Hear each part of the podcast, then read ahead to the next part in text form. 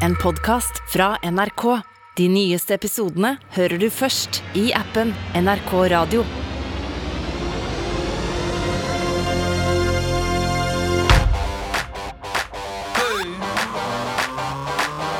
Popkorn over politikk med Sean Henrik Matheson og Gjermund Stenberg Eriksen. Au, velkommen til Popkorn og politikk. Jeg heter Sean Henrik Matheson. Sitter her som vanlig alltid med Gjermund Stenberg Eriksen. God dag, god dag, god dag. Det er god fredag, og vi er i september. Det er moro. Ja, det er artig. artig. Ikke tenk på at det er moro, men eh, når du sier det Jeg var på a-ha i går, og da ble jeg glad, for da tenker jeg også på september når. altså. September when. Ja. Alt mulig. Ok.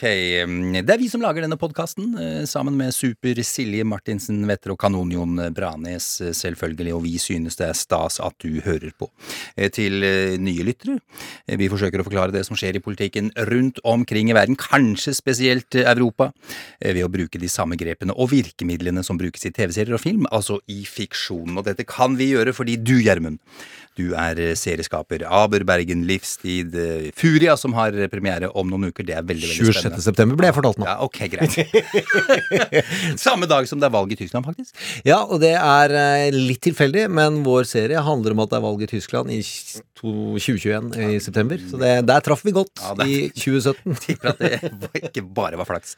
Eh, og vi må nevne også eh, Mammon, selvfølgelig, som du har eh, laget. Eh, denne podkasten eh, lager vi eh, på formiddagen, fredag 3. september, som jeg har sagt. Eh, jeg sier det i tilfelle det skulle skje store ting i løpet av dagen, og vi ikke snakker om det. I dag, Gjermund, å, vi skal snakke om følelser. Ja. Begynne helt rasjonelt. Sånn, hvis du tar fram en blokk og papir, og så skal du skrive ned setningen Det finnes ikke objekt uten affekt. Ja. Der har jeg den. Ja, Så det finnes ikke noe i vår bevissthet som ikke knytter emosjoner til en følelse. Og nå, nå går jeg opp på det stupet her, og hva er det jeg løfter over hodet og holder i hendene, og som du ser spreller i mine hender? Det er jo en løveunge! Ja da, der er vi. Det er en eh, liten eh, løveunge. Men det er fordi jeg så Stjernekamp på lørdag, og da tok Sjave Fordi han ble så utrolig imponert av den ene sangeren, eh, og holdt liksom en løveunge opp.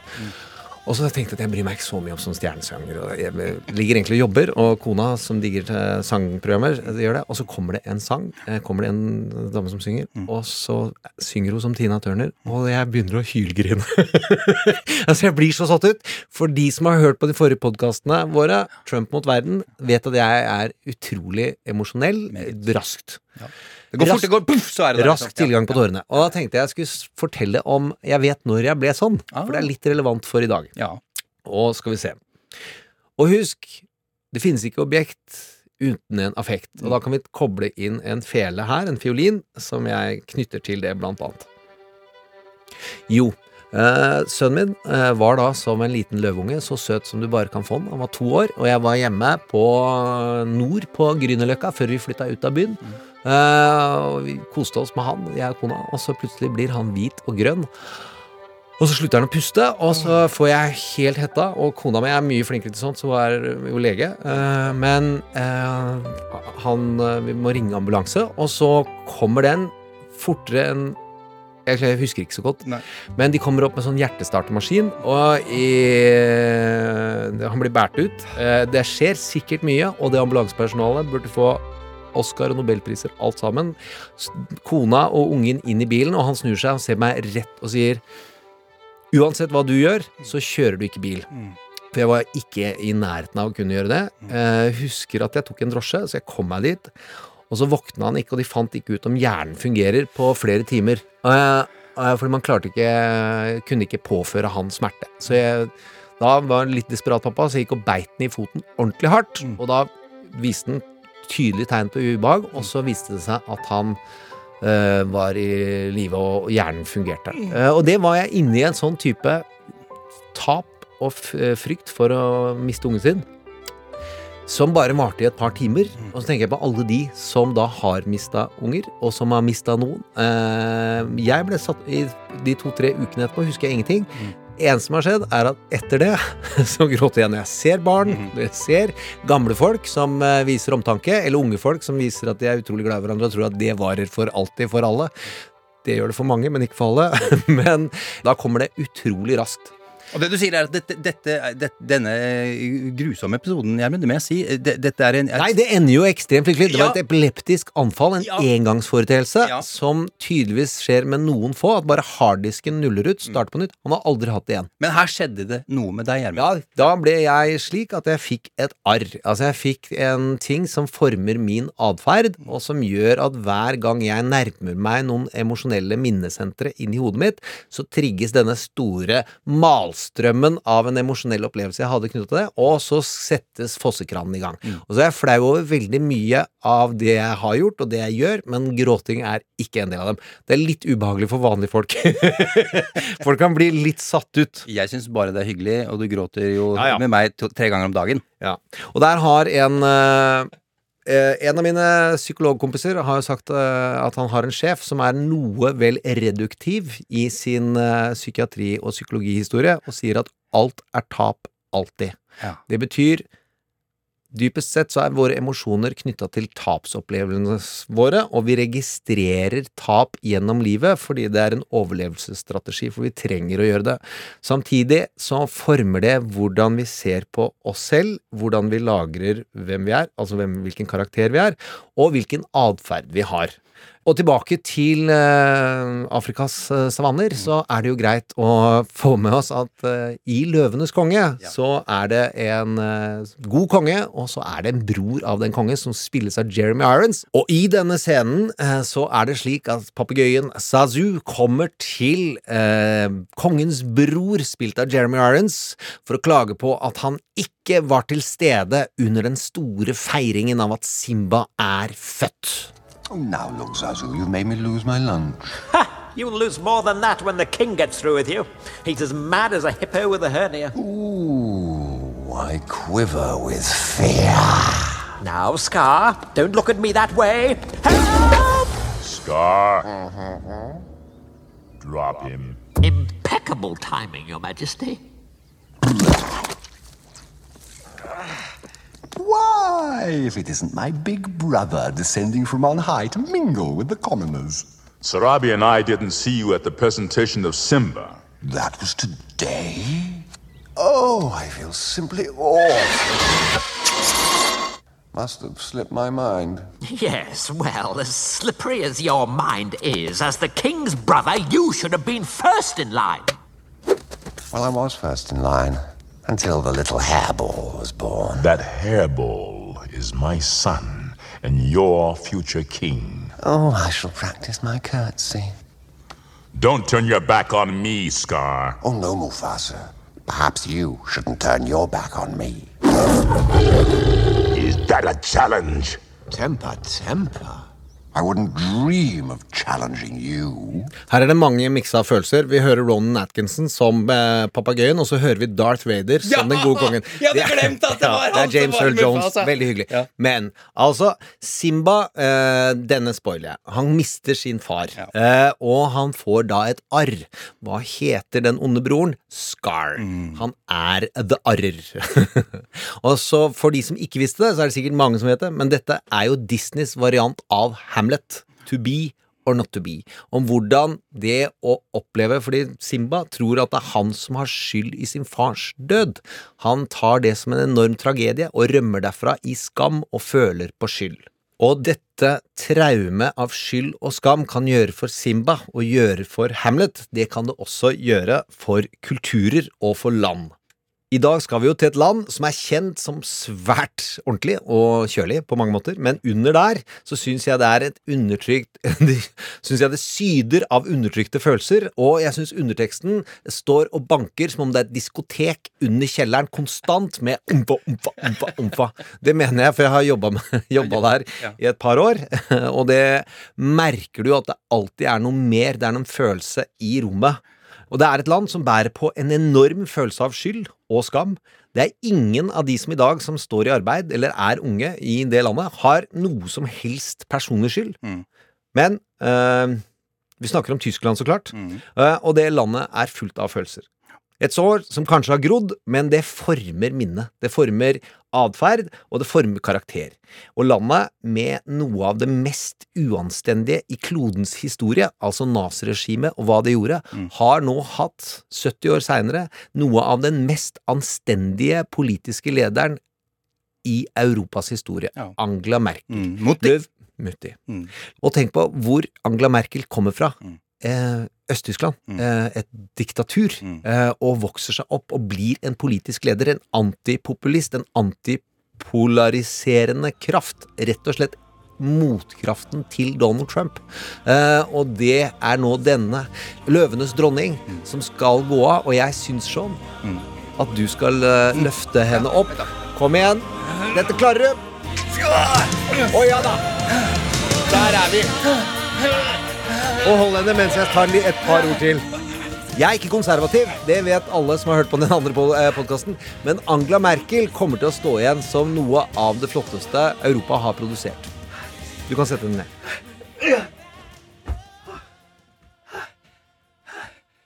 Drama vi skal gå inn i, er hva gjør vi om Tyskland ikke finner sin Simba? Står det noen skar og gnurer? Hvordan endte Hamlet? Den endte ganske mye dårligere enn Løvenes konge, skjønner dere. Så la oss håpe at vi er med på uh, inni Løvenes konge, og ikke i Hamlet. Spoiler alert. Ja, grei, grei liten eh, spoiler alert der. Men det er helt, helt riktig som du sier, Gjermund. Vi skal til Tyskland. Det skal handle om uh, mye følelser eh, i dag. Eh, vi har som sagt, eller som vanlig, tre ting på blokka. tre hovedsaker vi skal innom. Vi skal innom USA, Afghanistan og Tyskland. I en og samme borg, faktisk. Apropos følelser. tyskerne er ganske så krenka over det som har skjedd i Afghanistan. Altså at USA trakk seg ut, eh, spesielt på måten de gjorde det på. Tyskerne føler seg ydmyket og mislykka. Eh, Og nå snakkes det da med enda høyere stemme om at USA det er et land vi ikke kan stole på lenger. Europa må klare seg selv. Eh, Vi skal fortsette i, i Tyskland. Eh, De ja, skal vi si, siste seks, sju, åtte, ti åra så har eh, mørke krefter fått vind i seilene. Eh, Krefter vi med gru eh, kan lese om i historiebøkene. Og dersom du ikke er eh, hundgammal, selvfølgelig, så husker du alt dette her selv. Vi skal også over dammen. Den turen tar vi alltid. Vi skal til Texas og Handmaid's Tale, faktisk. For meg, for der har de innført ja, noe som kan være tett på et totalforbud mot abort. Og det har dramatiske konsekvenser for veldig mye.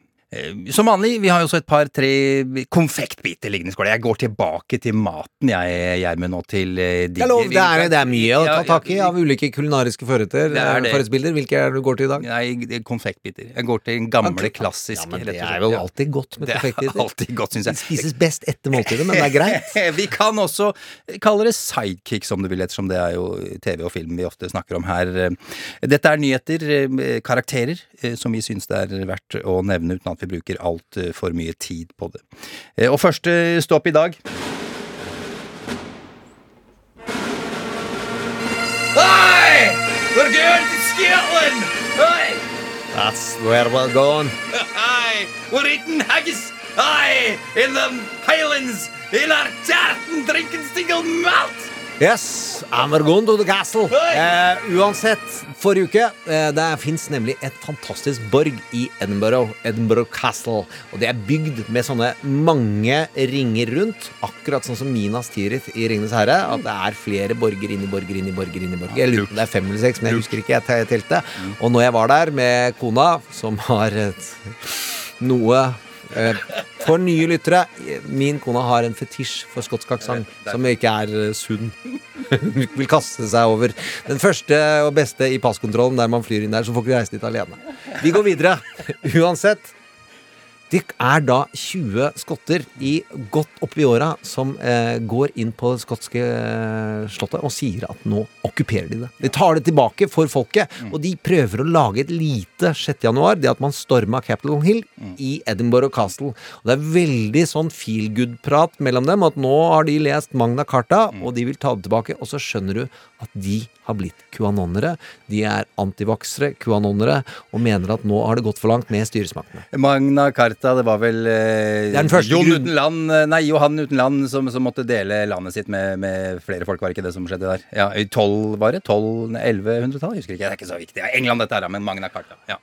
Første tegn på grunnlov, hvor man prøver å dele makt fra en sånn øverste leder Sånn til adelskapet, eh, var ikke helt demokrati, selv om Ridley Scott i sin Robin Hood-film later som at dette var demokratisk fundert. Var ikke helt det, det var litt spredning av makt. Han hadde ikke helt kontroll på føydalsamfunnet sitt. Uansett, The Scottish Lads Ei. følte at nå skal de ta borgen tilbake. Etter 20 minutter blir de geleidet ut av sikkerhetsvakter. De gikk utrolig mykere Kom for det seg. ikke gjennom ring Selv etter ring etter ring etter ring? Selv okkupasjon klarer Skottland å få til at det er litt hyggelig. Ja, det er koselig. Mens sekkespipene spilte i bakgrunnen. Ehm, vi har jo snakka om Afghanistan her i Popkorn eh, og politikk, det skal vi gjøre i dag også. Men vi har fått kritikk, Gjermund. Mediekritikk? På, ja, på måten vi dekker det på. Ja. og vi tar det har vi gjort sjøl. Altså, vi var kritiske sjøl, men Ja. hva er det vi har nå? Nei, vi, altså, vi tar jo imot kritikk, som du sier. Eh, vi fikk jo inn en melding på telefonsvareren. Du kan høre på den. We have the people. Uh, they're not taking this. They they are not taking what's happening in Afghanistan because Afghanistan is not something that can can even be discussed in a rational way. The level of stupidity. Du, fader, Gjermund, eh, det var Donald. Eh, Ja, det, det, det var det jeg Ja, som slo meg ja, av. ja, altså. slo meg, Var det ikke Donald? Men Jo. var, var ikke, sa ikke han dette her bare for en liten stund siden? I started the process. All the troops are coming back home. They couldn't stop the process. 21 years is enough, don't we think? 21 years. They couldn't stop the process. They wanted to, but it was very tough to stop the process when other things are out. Yeah, thank you. Thank you. Han høres ut som den fylle onkelen i bryllupet, som er en vanlig metafor man bruker på ubehagelige mennesker som ikke har helt gjennomtenkte politiske meninger i amerikansk popkulturell sammenheng. Det er langt ute, altså. Men han eh, Jeg tror ikke, Man skal ikke undervurdere. Han kan komme tilbake i 2024. Vi går videre. Ikke se bort ifra det. Eh, jo, eh, vi skal til en, en skole, eller flere skoler? eller? Jeg tenker det er flere skoler, og der er det jo noen som har minner og emosjonalitet knyttet til en intellektuell kapasitet, som valgte å ha stort gult hår, male seg i ansiktet og prøve å si til rektor, mykt rock'n'roll-wise, følgende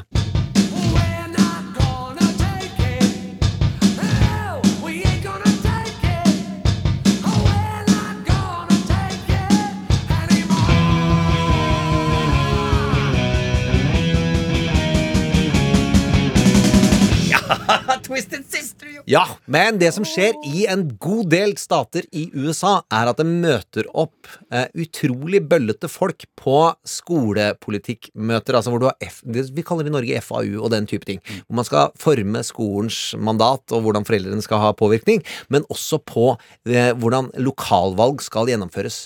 Og de skriker og de bråker, og så viser det seg at de er organisert og de er trent opp av folka som sto bak det å agitere til 6. januar og stormingen av Capitol Hill, hvor blant annet denne utrolig off the grid Locos generalen Flynn, som var da den øverste sikkerhetsrådgiveren til Donald Trump, som 14 dager. Do- måtte sitte i 14 dager, men som da også er blitt QAnoner. Ja. Eh, og hva har manet og agitert til storming av Capitol Hill? Mm. De, han er med i grupper som trener opp folk til å plage vettet av folk, slik at vanlige folk ikke skal orke å ta tillitsverv, Mm. så de kan ta kontroll over skolen og pensum i skolen, og ta kontroll over lokalvalgsgjennomføringen.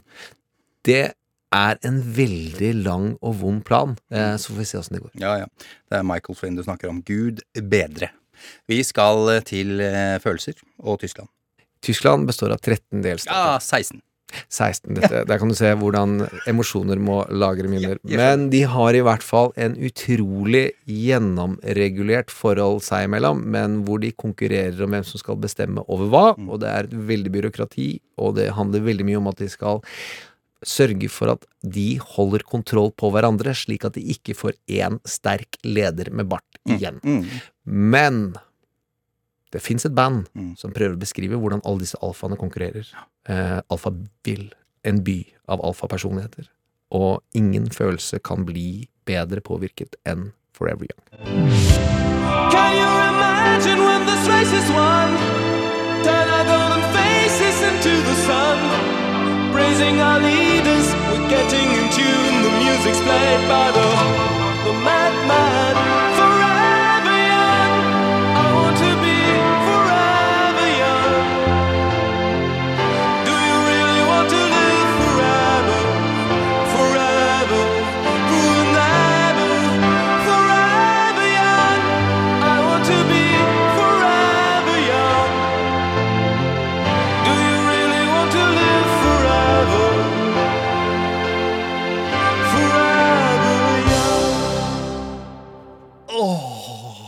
Deilig å høre, Alfavill.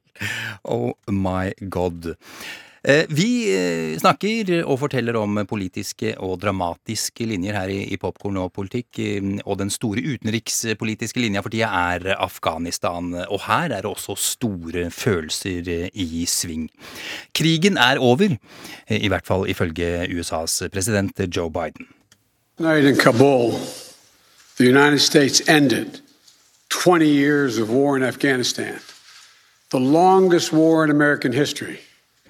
Det var Donald Trump som bestemte at USA skulle trekke seg ut, men det var selvsagt Joe Biden som fulgte opp, og det er det mange av USAs allierte som har reagert eh, sterkt på.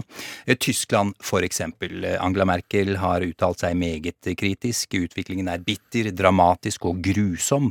Akkurat nå virker det som om 20 års arbeid er bortkasta, det har hun sagt. Følelser her. Armin Laschet, Merkels etterfølger som leder av kristendemokratene CDU, har også han svært kritisk, og ikke minst skuffa over at Biden faktisk valgte og gjennomførte Trumps beslutning, og det uten å involvere deres allierte. De siste tyske soldatene forlot Afghanistan 27. august. Nå skriver tyske medier at forholdet mellom Tyskland og USA knaker i sammenføyningene, nok en gang, kan man vel si, og de har jo vært nært knyttet sammen siden slutten av den andre verdenskrig, da USA som okkupasjonsmakt spilte en ledende rolle i å etablere Vest-Tyskland som et liberalt demokrati. Det er ikke første gang det lugger. Tyskland sa nei til å bli med og kjempe under Vietnamkrigen. Tyskland sa nei til å bli med og invadere Irak. Da, Bush og Hans Hauke sa at Saddam Hussein bygde masseødeleggelsesvåpen, mente den tyske etterretningen at dette var feil. Og den daværende tyske utenriksministeren Joschka Fischer fra partiet De Grønne sa sine nå legendariske ord 'Jeg er ikke overbevist'. Nur meine Generation hat dabei gelernt, you have to make the case. And to make a case in the democracy, you must convince by yourself.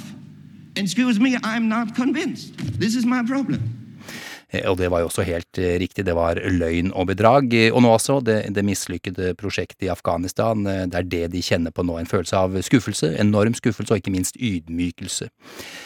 Tyskland og andre europeiske land deltok i Afghanistan-krigen mest av alt for å være solidariske med USA, og så svikter de altså totalt, og med det drar de med seg sine allierte ned i søla.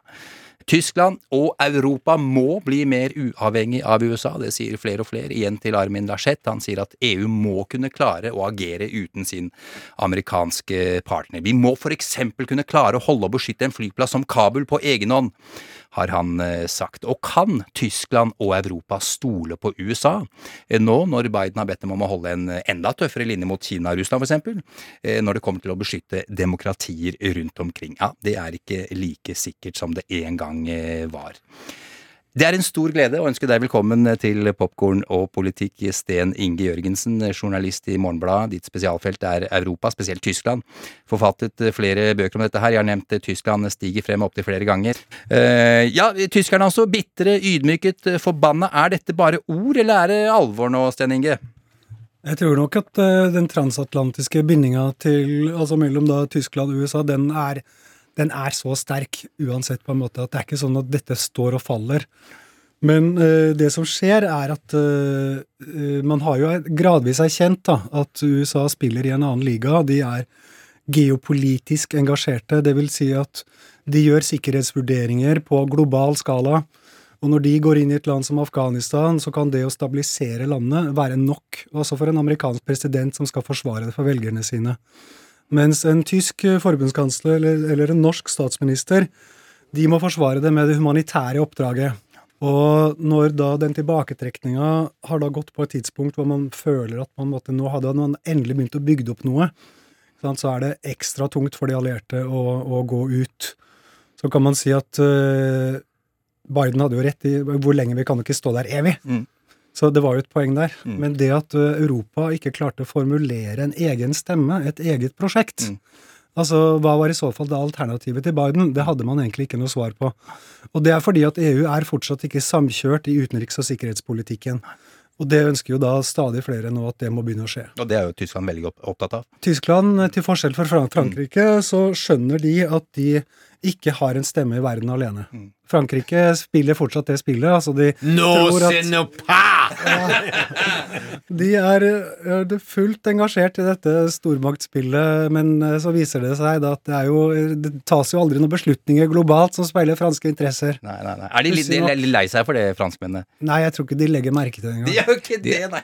Nei, men det er, altså, det er en dynamikk her nå. Uh, hvis for eksempel eh, Frankrike og Tyskland og en sånn gruppe kjerneland i Europa da begynner å si at eh, ok, vi må bare rett og slett eh, gå videre, så kan de gjøre det. Fordi EU-traktaten tillater jo det at hvis en gruppe land sammen vil integrere seg dypere, Mm. så kan de gjøre det uten at alle er med. Og nå har det jo vært særlig Ungarn og Polen som har blokkert på utenriksfeltet. Mm. Men så vil jo heller ikke Frankrike gi opp vetoet sitt. Men Tyskland trenger vel å kjefte på det USA rundt denne tilbaketrekningen, fordi de har jo vært der en stund. Datoen har vært kjent for dem, og det er ikke noe sånn at det- det er også litt sånn blame game. Ja, jeg opplever at dette er en kritikk som ikke bare går til USA, men som de, det er egentlig en sånn selverkjennelse. Altså Ja. Det er selvkritikk egentlig mye også. Hva skal til for at eh, Europa skal kunne klare seg helt uten eh, USA? Nei, det kommer an på hva slags ambisjonsnivå man legger seg på. Teoretisk så kan jo EU ligge under Frankrikes atomparaply, men den er jo liten, da. Mm. Akkurat på det liksom, nivået der kan nok ikke Europa komme uavhengig av USA. Men det Europa kan, da, det er at man har, etablerer en, en egen kommandostruktur, og man har da innsatsstyrker som er tilstrekkelig trent og sånn til at man kan løse oppdrag og utfordringer i nærområdet. Mm. For eksempel da, hvis det blir en ny Balkankrig nå, Mm. Så er fortsatt ikke Europa i stand til å håndtere det selv. Helt avhengig av USA. Hvor lang tid tar før Europa kan bli klare for noe sånt? Det er jo ingen som vet, men la oss si fem år, da, hvis du setter alle kluter til. Men det er interessant at uh, mange tenker at eh, dette, eh, et løft for Europa, liksom skal være litt sånn rivalisering til USA. Men det er jo ikke det, fordi USA har jo bedt Europa lenge om å ta mer ansvar for seg selv. Eh, Er det realistisk at dette kommer til å skje eh, en eller annen gang? Om ikke om fem år, så at, at vi bare Europa bygger seg opp og tar Ja, ansvar? det tror jeg. At, eh, skal man, hvis man ser på hvordan, hva som har skjedd da, siden det er PESCO, som det heter, akronymet, da, så går det sånn sakte fremover. Altså er, eh, man samarbeider da på utvalgte områder mellom land. Og integrerer seg liksom gradvis. Uh, og så kan man si nei, dette går sakte, men det går fremover, da. Så på en eller annen gang i framtida så vil Europa ha en bedre kapasitet. Om det går fort nok, er jo et helt annet uh, tema. Ja, Det får vi komme tilbake til. Eh, Sten Inge, nå har jeg glemt å spørre deg om du har en favoritt-Elton John-låt fra 'Løvenes konge'. Husker du den filmen? har du det? Nei, det er, er det ikke den som Can You Feel The Love Tonight? Er, er ikke den på den? Ja, den er på den, ja. Åh, ta den! I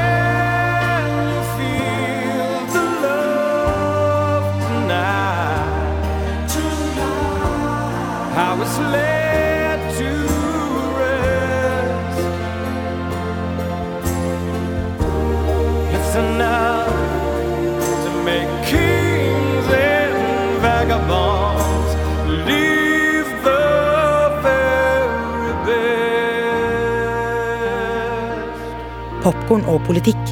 En sang blottet for undertekst.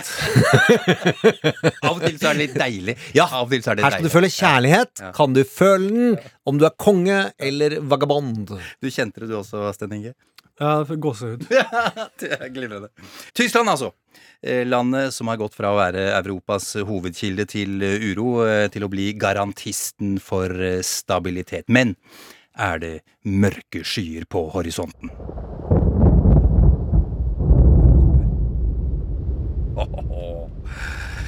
Tar gamle og forbudte følelser eh, over igjen. De siste årene så har, har de mørke kreftene fått mer og mer eh, plass. Eh, Krefter eh, som kan få de som kjenner Tysklands historie til å begynne å, å skjelve. Eh, På ny har høyrepopulistiske krefter klart å etablere seg. Alternativ fyr Deutschland. Alternativ for eh, Tyskland. AFD-partiet som ble starta i 2013. Eh, og som spesielt gjennom eh, flyktningkrisen i 2015 fikk kraftig vind i seilene og ble større og større og fikk mer og mer oppslutning. Ved siste forbundsdagsvalg eh, i 2017 fikk partiet nesten 13% av stemmene. Ved enkelte delstatsvalg året før, altså i 2016, fikk de opptil 24% av stemmene. Nå ligger de på ca. 10-11% på de nasjonale målingene. Sten Inge, har de ikke lært? det, det, jeg slutter aldri å fascinere meg over, hvor opptatt særlig da norske journalister og forfattere er av enten DDR-tiden eller Skal du henge ut forfattere? det, det, er- nei, men det er altså Hvis du, ser, hvis du går inn i en eh, norsk Unnskyld. Hvis du går inn i en norsk bokhandel, så er det altså en egen vegg der med bøker om Hitler og med svastikaer, og det er så helt utrolig. Det er veldig rart, for når du sier det, når jeg, går på mine strømmetjenester eksempel, og går på dokumentarer, så ligger det nesten bare dokumentarer om krigen. Kjapp kommersiell vurdering. Ja, ja, ja. Det er ingenting som selger så mye billetter på kino i Norge som andre verdenskrig-filmer, og sånn har det vart i evigheter. Hvis du ser på dokumentarrekka som har kommet om høyreekstremisme de siste elleve åra, så er det 40 anerkjente og gode som bare er tilgjengelig på alle mulige strømmetjenester. Så man slutter ikke å være fascinert for det her, så får vi se hvordan det går. Men, øh, men jeg leser ut av det du sier, og hvordan du ser ut nå, Sten at du irriterer deg litt over måten jeg stiller eller vi setter i gang dette segmentet her på som skal handle om Tyskland. Stemmer det litt? Rann? Ja, det stemmer litt, fordi jeg tenker at øh, jo mer oppmerksomhet man vier da øh, ytre høyre i Tyskland, øh, jo mer dominerer det bildet vi har av Tyskland. Problemet med det da, er at øh, det som kjennetegner Tyskland, er at 80% av velgerne er i sentrum. Mm. Og at uh, Alternativ for Deutschland har til og med gått ned på målingene etter uh, det de fikk på forrige valg. Og det er jo ikke et høyreekstremt parti, det er et høyrepopulistisk parti. Ja, men så er det også interne rivninger der, og de kan nok bli ganske ekstreme hvis den gærneste fløya vinner. Det blir jo sagt av folk eh, i ledelsen at eh, la oss glemme Det var ikke så gærent under krigen. Altså, vi, det er jo litt sånne ting som kommer der, Ja, ja. eh, Sten Inge. Ja, ja, absolutt. Ja, altså. De er, du kan ikke sammenligne dette med et ytre høyreparti uh, som vi har i Norge, f.eks. Men I Sverige, da? Hvor I tett Sverige, er det kan på- du, I Sverige kan du sammenligne mer. Egentlig så var jo Alternativ for Deutschland begynte som et parti som var mot tysk deltakelse i fellesvalutaen, altså euroen. Ja. Og så kom flyktningkrisen, og så da fusjonerte de på en måte med den Pegida-bevegelsen. Altså de som begynte å gå sånn uh, ukentlige demonstrasjoner i, i Dresden. Vi hadde også, det i Norge en liten stund også, husker jeg. De er der fortsatt. Ja, I gatene, ja. ja. Og så ble partiet egentlig helt forandra. Altså det ble plutselig da et eh, primært innvandringsfiendtlig parti. Mm. Uh, og det kan man si uh, er litt forståelig ut fra at uh, Tyskland også tok imot flest. Mm. Og det samme skjedde jo i det andre landet som også tok imot veldig mange, nemlig Sverige. Altså at Sverigedemokraterna gikk veldig frem. Mm. Så det jeg tenker, er at vi er vitner til politiske bevegelser som føler at elitene har svikta dem, litt fordi at storsamfunnet har støtta denne innvandringa, ikke sant? Sagt vi tar imot disse asylsøkerne. Og det har vært relativt bred enighet. I Tyskland så har jo til og med Bildzeitung, som er liksom øh, VG på steroider, de trykte en egen utgave på arabisk for å ønske flyktningene velkommen. Tenk på det. Ja. Når selv Bildzeitung svikter deg, som står der når du står der ytterst til høyre. Eh, Men allikevel, eh, altså eh, Det har jo vært folk på den sida av spekteret i, i Tyskland bestandig, men det er ingen partier som har klart å etablere seg før AFD. Altså De har liksom aldri klart å organisere til at det blir noe ordentlig. Det klarte AFD. Nå har du vært inne på flyktningkrisen. Er det den eneste grunnen? Nei, det er jo at denne type sentimenter, øh, det som fòrer da, kan du si, ytre høyres virkelighetsbeskrivelser, det har øh, Tyskland, som andre europeiske land, egentlig hatt hele tiden. Ja. men så er det da delvis pga. arven etter krigen, altså dette har vært så tabu, men delvis også fordi at de som har turt å bryte dette tabuet, de som har prøvd liksom å organisere noe, de har nok også vært ganske gærne. Ja. Altså, det har da fort gått i stykker, det de har prøvd å bygge. Ja. Så AFD var på en måte de første som klarte det. Jeg har jo jobba med en, en serie der nede om ytre høyre, øh, og da har vi hatt som kilder noen av de journalistene som har fulgt AFD mest, ikke for at de skal være kilder til hvordan vi skildrer våre høyreradikale, men forholdet med, mellom høyrepopulisme og høyreekstremisme. Og det han sa, var jo at det har jo også vært en prosess hvor de har blitt radikalisert av at de er så ekstremt forhatt.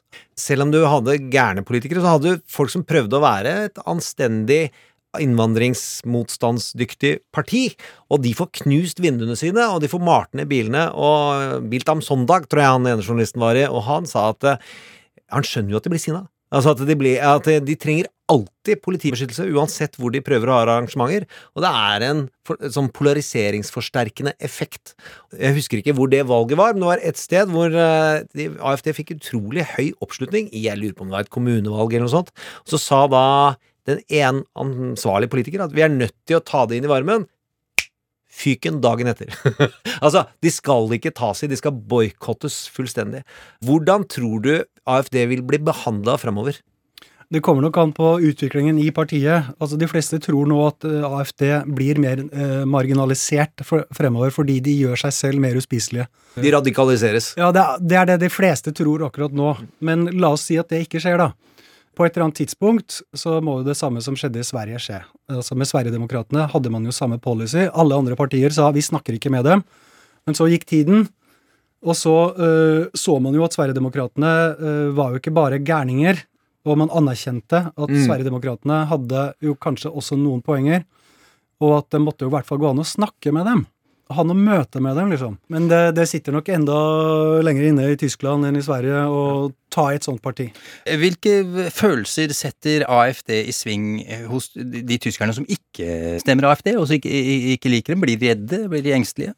Det er et øst-vest-skille der. De som lever da f.eks. ut i en gjennomsnittlig østtysk delstat, de tror jeg eh, ser det mye mer som et sånt eh, sosialt problem. Altså de anerkjenner kanskje De har litt mer forståelse for at noen f.eks. da i en landsby hvor eh, alle ungdommene har dratt til storbyen og studerer, og de litt eldre blir igjen, og kanskje har det kommet noen nye asylmottak der, osv. Men i vest så er det jo da eh, ser man jo på dette som en skam. Altså Man tenker at eh, østtyskerne skjemmer oss ut, for de har jo mye høyere oppslutning i Øst-Tyskland.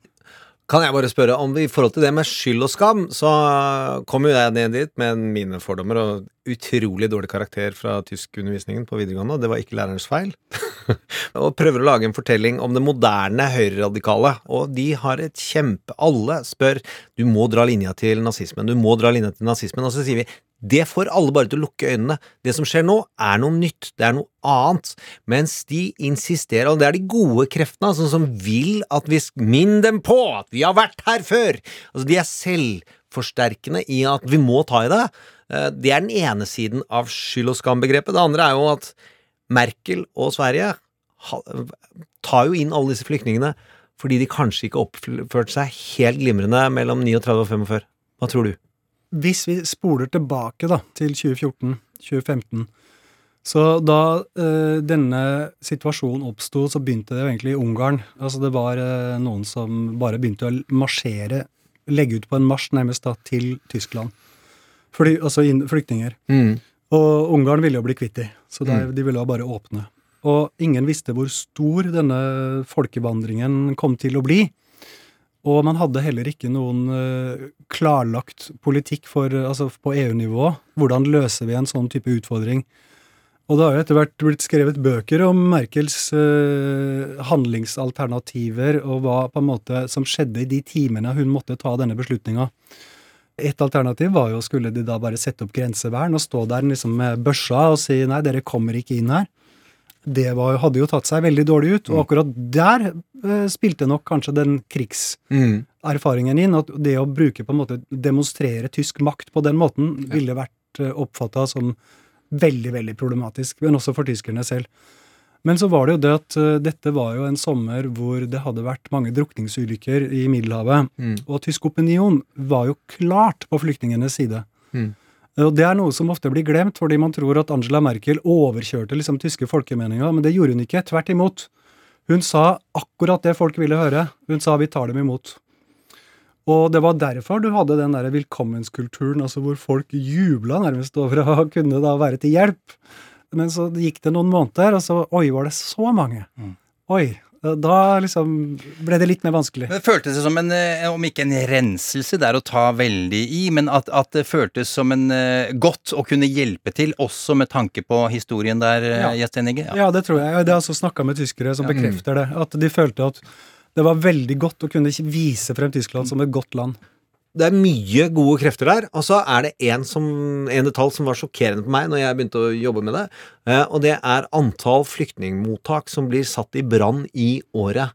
700 opplever ulike former for påtenning, som sier noe om at det er en veldig voldelig underskog og motstand. Selv om den ikke er utbredt i antall mennesker, så virker de farlige. Ja, Det er en kjensgjerning at eh, de siste årene så er det i Tyskland man har sett mest av dette.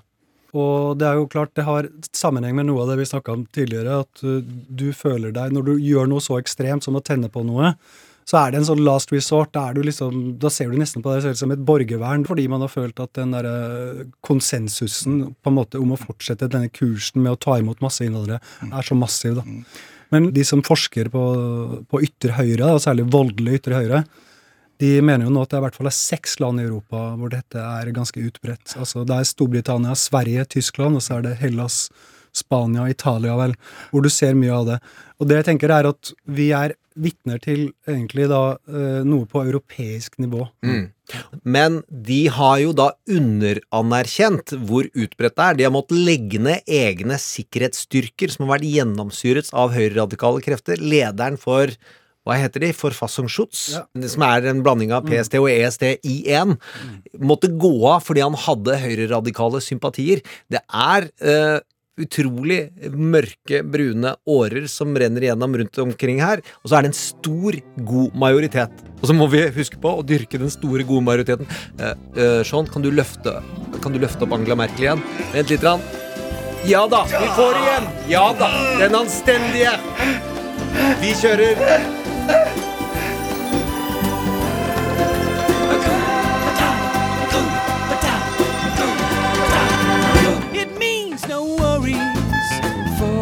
Rest of your days. It's our problem free philosophy. Hakuna Matata. Hakuna Matata. Hakuna Matata. Hakuna Matata. Popkorn og politikk. Med Sean Henrik Matheson og Gjermund Stenberg Eriksen.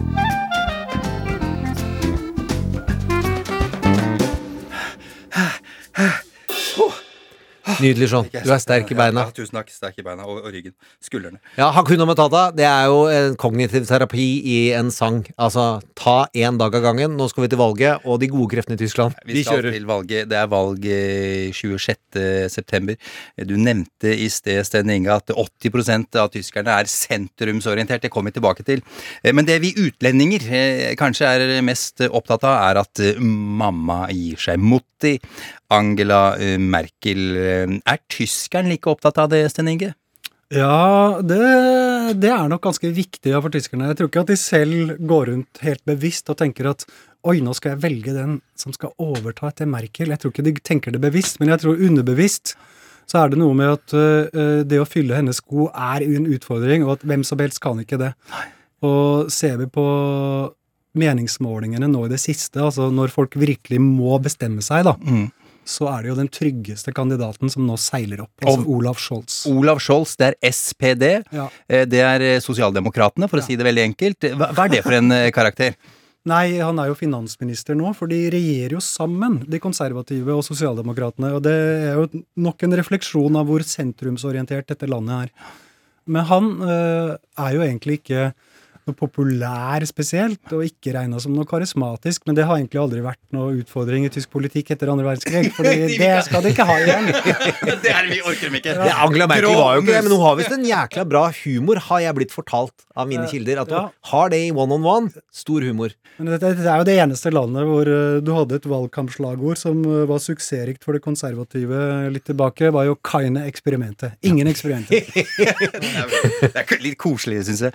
Så da er det da SPD, og så er det de to andre store, for å gjøre det, vi gjør det litt enkelt her. Det er jo da De Grønne.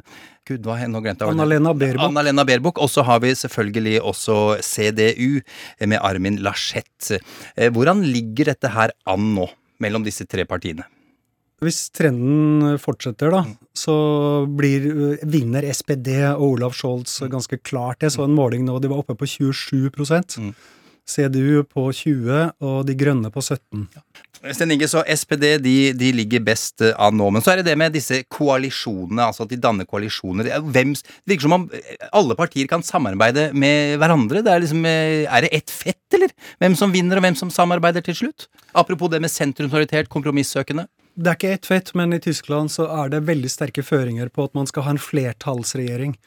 Og det gjør at man eh, leter ikke bare med lys og lykte, men man må strekke seg litt langt, da. Konkret nå er jo da spørsmålet om eh, De Linke, altså som er da Ligner litt på SV, om de skal få komme inn i varmen sammen med De Grønne og Sosialdemokratene. Mm. Og det er jo fordi at eh, det er ikke lenger nok med to partier til å få rent flertall. Du må rett og slett ha tre. Uansett hvem det blir, eh, vil de kunne klare å bevare Tysklands posisjon som denne eh, stabile makten eh, i litt sånn kaotiske tilstander rundt omkring? Vil de, vil de, vil de holde på posisjonen sin, tror du? Ja, Det fine med et stabilt, uh, velutvikla land som Tyskland, er jo at det vil aldri være en kansler som står der alene. Og heller ikke forfatningsmessig kan en kansler ta alle disse beslutningene alene, som f.eks. Macron eller Biden kan gjøre. Så det vil være et team av folk som møter kriser i Europa, og de vil da være et slags kollektiv eller fellesskap som prøver å løse de. Mm. Og veldig mange av de folka som har vært med i tiden under Merkel, fortsetter jo. Mm. Også SPD har jo vært i regjering nå lenge. Mm. Så jeg, jeg er helt sikker på at det kommer til å bli like stabilt. Mm. Et visuelt bilde for å forstå anstendigheten de streber veldig hardt etter, er jo Riksdagen har et glasstak, for alt skal kunne være gjennomsiktig, slik at ingen kan vokse seg for sterk uten at de andre ser hva den gjør. En fantastisk riksdag hvor det er mulig å spise på en restaurant på toppen, anbefales sterkt. Hele Berlin anbefales veldig sterkt å reise mye ofte til. Sten Inge Jørgensen, tusen takk for at du kom til oss i Popkorn og politikk. Jeg håper du kommer tilbake en gang. Auf Wiedersehen, Auf heter det. Auf Wiedersehen! Og det er ikke helt uten grunn at vi nå spiller en låt fra Handmaid's Tale. Popkorn og politikk med Sean Henrik Matheson og Gjermund Stenberg Eriksen.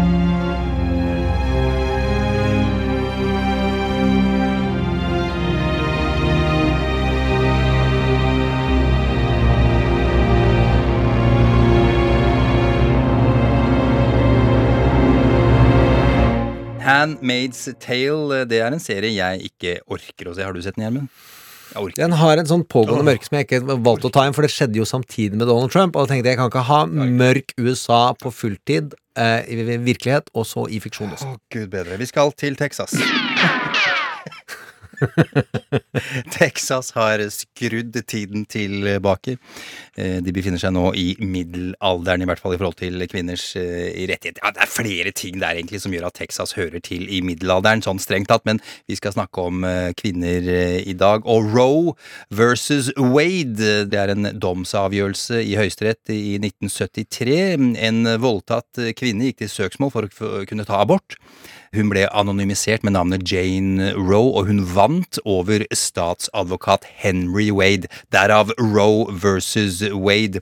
Eh, Og denne domslutningen, den underkjente lovverk, eller eh, domslutninger på delstatsnivå, der hvor de kriminaliserte abort. Eh, Og da dommen ble rettskraftig, hadde bare et fåtall amerikanske delstater innført rett til abort, og dommen førte da til at de øvrige delstatene måtte justere sin eh, lovgivning. eh, En domsavgjørelse som har stått som ei påle eh, for kvinners rettigheter i USA.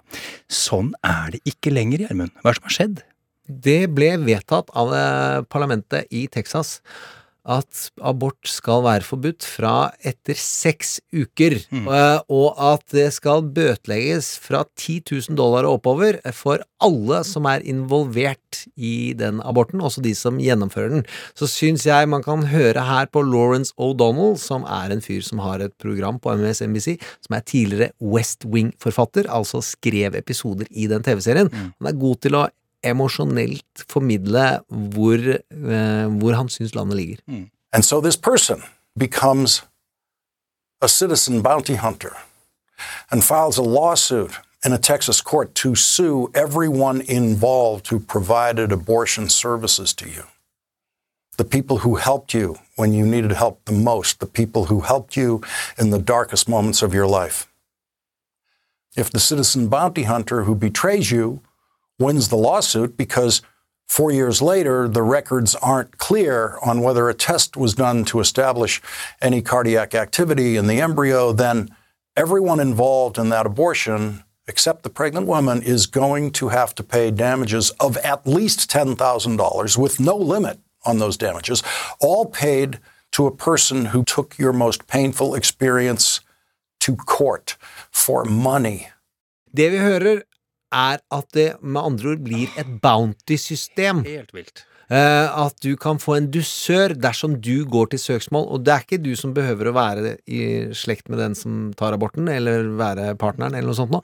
Du kan være, omreisende dusørjeger, og de kommer også til å kunne prøve å forhindre deg fra å forlate Texas, det vil si at de kan gå til søksmål til mot folk som hjelper deg reise ut av delstaten, ifølge flere juseksperter som har vært ute. De skal få Sofie Høgestøl inn neste uke til å gå i finnetallene rundt disse tingene, men dette skjedde da fra tirsdag til onsdag, og amerikansk høyesterett hadde da muligheten til å si nei.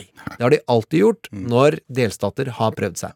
Der er det ni seter, og vanligvis så er det da fem-fire i til fordel for selvbestemt abort. Nå blei det fem-fire for at de skulle få fortsette med det greiene her, og høyesterettssjef Roberts var på mindretallets side. Ja, han tok dissens. Eh, det er vel ikke spikra eller meisla inn i stein. Dette er en foreløpig De har bare sagt at nå, vi gjør ikke noe med dette her nå, men eh, vi skal eh, kanskje komme tilbake til det, har Høyesterett sagt. Det som er helt sikkert, er at de skal ta abortloven sin til diskusjon i løpet av denne perioden. Men da pleier de egentlig å stoppe den type radikal lovgivning, slik at det ikke får store konsekvenser for den befolkningen som bor der, inntil de har tatt sin avgjørelse.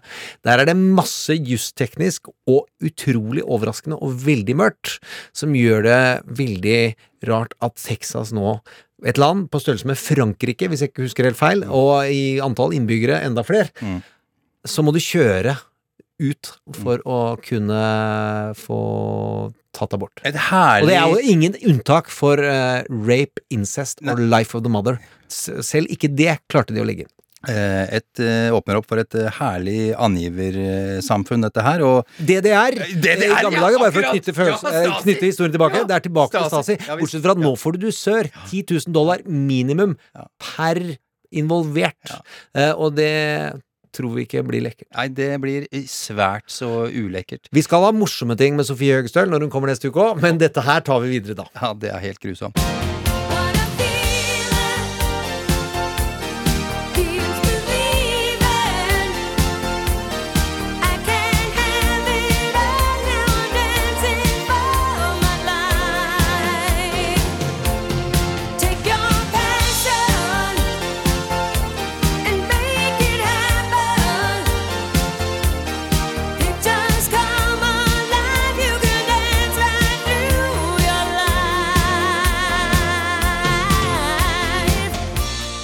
Det jeg syns er så vakkert å tenke på, Gjermund, er at du har jo gjort denne moven eh, fra Flashdance, der du sitter i en stol og får masse vann over deg. Hvordan, eh, når gjorde du det?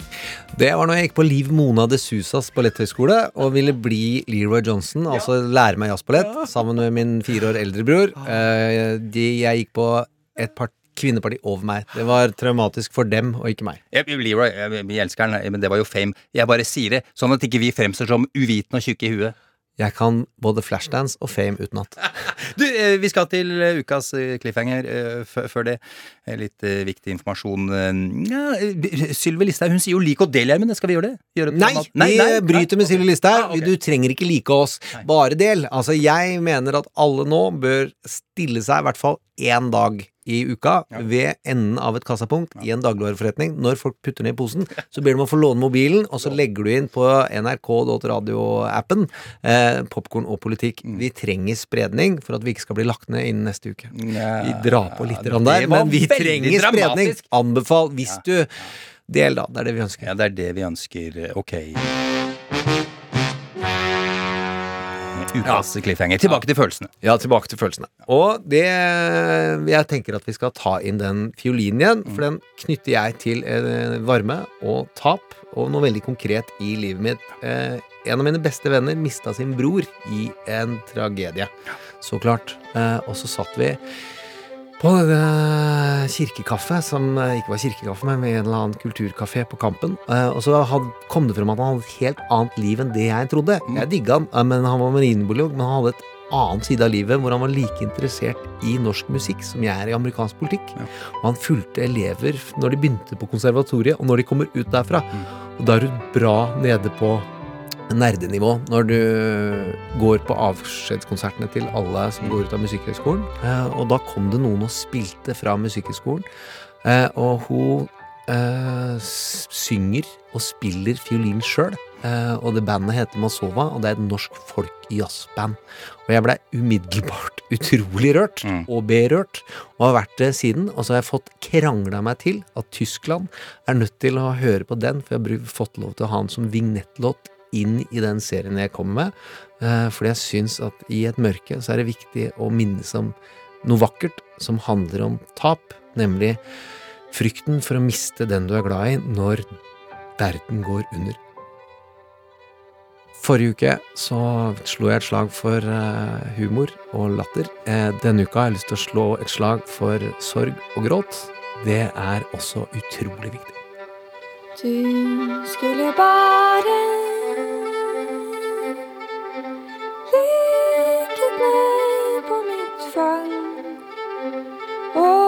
og ligget der dagen lang. Skulle bare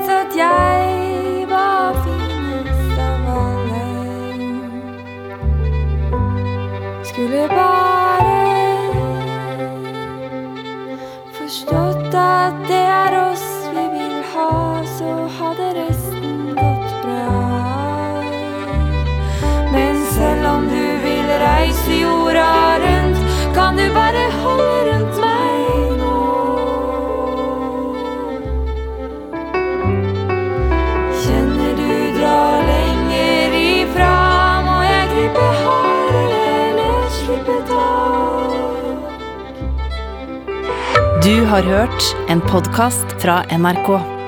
De nyeste episodene og alle radiokanalene hører du i appen NRK Radio.